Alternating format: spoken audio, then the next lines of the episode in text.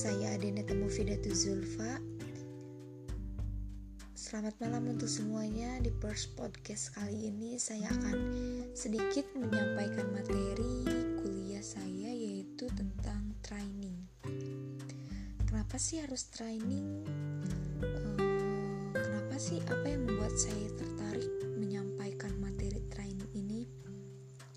Oke, menurut saya training ini adalah salah satu proses yang sangat penting dalam suatu perusahaan apalagi untuk karyawan baru karena di training ini mereka akan mendapatkan pengetahuan-pengetahuan pelatihan-pelatihan sebelum mereka langsung terjun ke dalam dunia kerja.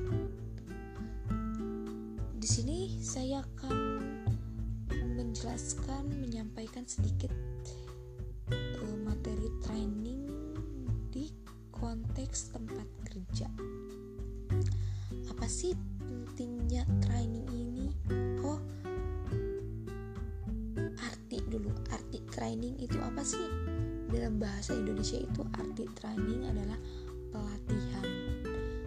Dan dalam pelatihan itu pasti ada prakteknya juga. Jadi dalam training ini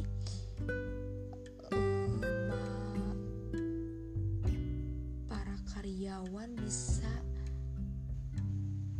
langsung praktek juga sebelum mereka terjun dalam dunia kerja langsung. Dan pentingnya training pentingnya tujuannya. Training itu apa? Untuk perkembangan karyawan dalam bentuk skill, ability, knowledge atau ada karakteristik yang kaitannya dengan job specification. Tentunya training ini banyak sekali macamnya. Yang pertama dalam training itu adalah orientasi atau onboarding. Orientasi orang-orang di luar sana pasti udah gak asing lagi mendengar kata orientasi. Apalagi para mahasiswa atau siswa SMA yang dulunya pasti ada masa orientasi atau bisa disebut mos kalau buat anak sekolah itu. Tapi kayaknya sekarang sudah nggak diadakan lagi orientasi yang pertama diadakan dalam training ini adalah orientasi atau onboarding. Untuk apa sih orientasi ini? Nah, kita akan membahas terlebih dahulu tentang orientasi. Orientasi ini provides new employees with basic background information. Jadi untuk membantu new employee atau karyawan baru agar bisa beradaptasi dengan baik, terus menambah pengetahuan juga tentang sejarah perusahaan atau teknis yang harus diketahui oleh setiap karyawan. Contohnya ketika kita bekerja di bagian customer service, tentunya kita harus tahu dulu bagaimana cara menjadi customer service yang sesuai dengan teknis yang baik dan benar. Gimana sih caranya? Kalau customer service kan harus bertutur kata dengan baik, halus. Jadi, sebelum terjun lagi langsung menjadi customer service, si karyawan itu harus harus mempelajari semua itu agar nantinya bisa berjalan dengan baik. Terus yang lebih detail lagi yaitu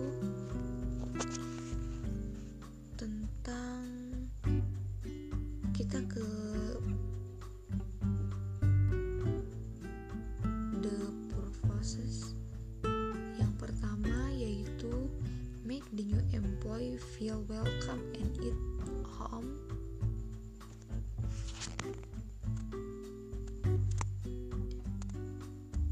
And at home and part of the team. Jadi si karyawan itu agar merasa diterima di lingkungan kerja yang baru. Mengurangi kecanggungan karyawan juga jadi feel welcome gitu. Dalam pers pertama kalinya dia masuk perusahaan tersebut. Dan yang kedua adalah make sure the new employee has the basic information to function effectively. Jadi membuat karyawan mendapat basic information sehingga mereka lebih nyaman, enak dan perusahaan tersebut.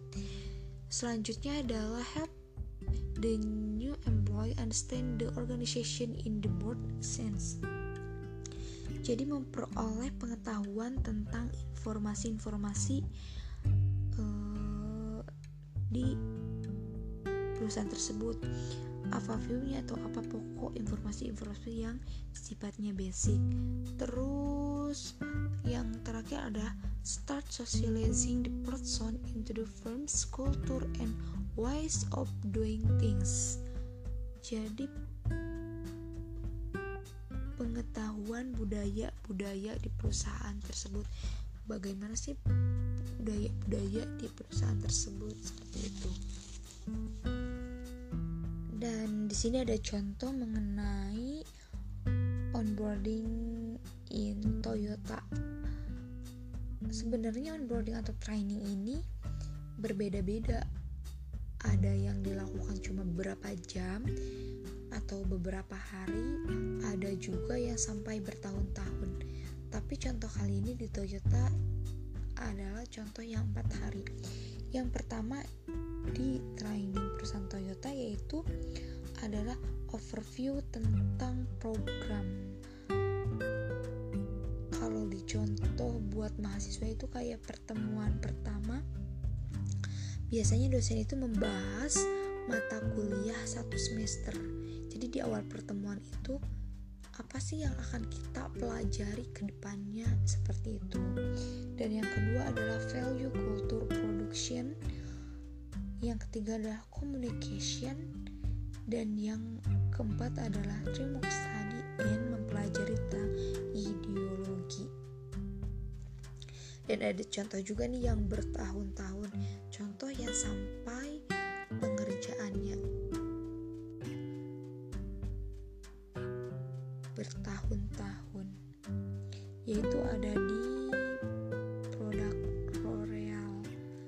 Pasti setiap wanita sudah tidak asing lagi mendengar kata L'Oreal. Di perusahaan L'Oreal ini, dilakukan sampai dengan 2 tahun. Dan biasanya itu si new employee dikasih employee handbooks. Di dalam employee handbooks itu ada panduan, prosedur dan lain-lain mengenai perusahaan. Dan di sini ada contoh lagi yang mengenai orientation teknologi di sini adalah contoh orientasi yang sudah canggih.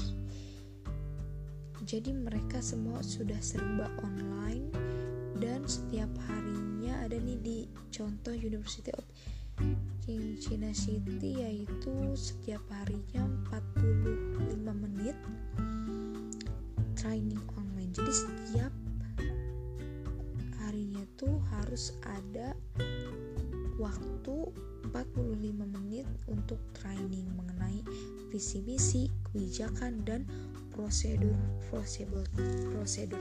Tentunya training seperti ini menjadikan lebih fleksibel. Dan kita lanjut ke training proses. Tentunya harus sesuai dengan strategi dan visi misi perusahaan Contohnya, ketika suatu perusahaan ingin menerapkan komputerisasi dalam training ini, dalam prosesnya ini harus menerapkan pelatihan yang membuat si new employee itu memahami, mengerti akan prosedur-prosedur mengenai komputer kategorisasi tersebut, cara memakai aplikasi atau menggunakannya bagaimana. Jadi seperti itu. Tentunya harus sesuai dengan strategi perusahaan secara keseluruhan. Jangan sampai meleset, salah sasaran, karena itu semua bisa malah menjadi sia-sia karena training itu juga bukan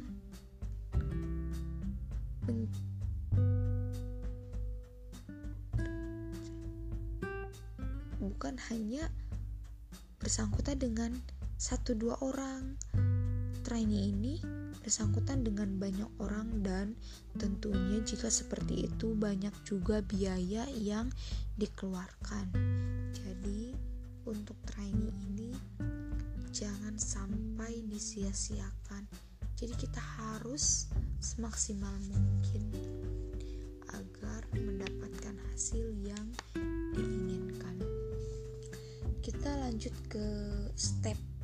Dalam step ini ada akronim A D D I E A D. Adalah five step in training process. Yaitu apa sih? Agar mengerti cara caranya bagaimana rumitnya itu agar kita mengerti. Terus baik itu bagaimana terus step-stepnya seperti apa itu dijelaskan di sini. Yang pertama adalah analyze the training need.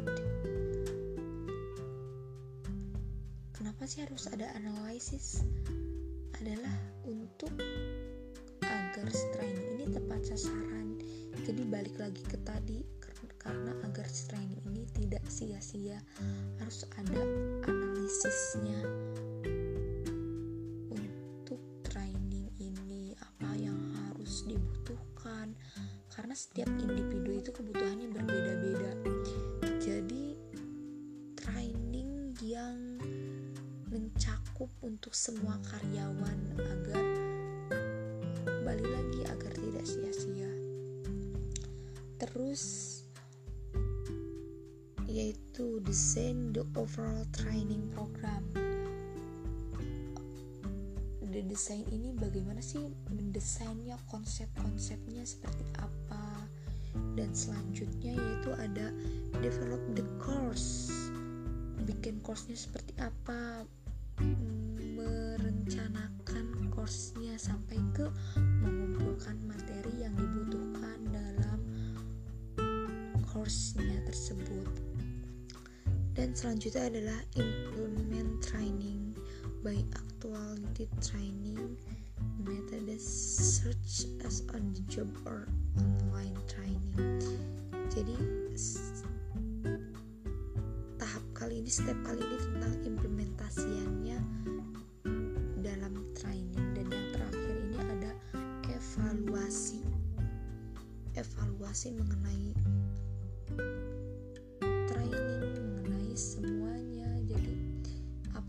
dilakukan ini dievaluasi kembali. Apa sih yang kurang? Apa sih yang harus disempurnakan lagi? Apa sih yang harus dilanjutkan ke depannya yang baik gitu dari training ini? Menurut saya sih dalam evaluasi ini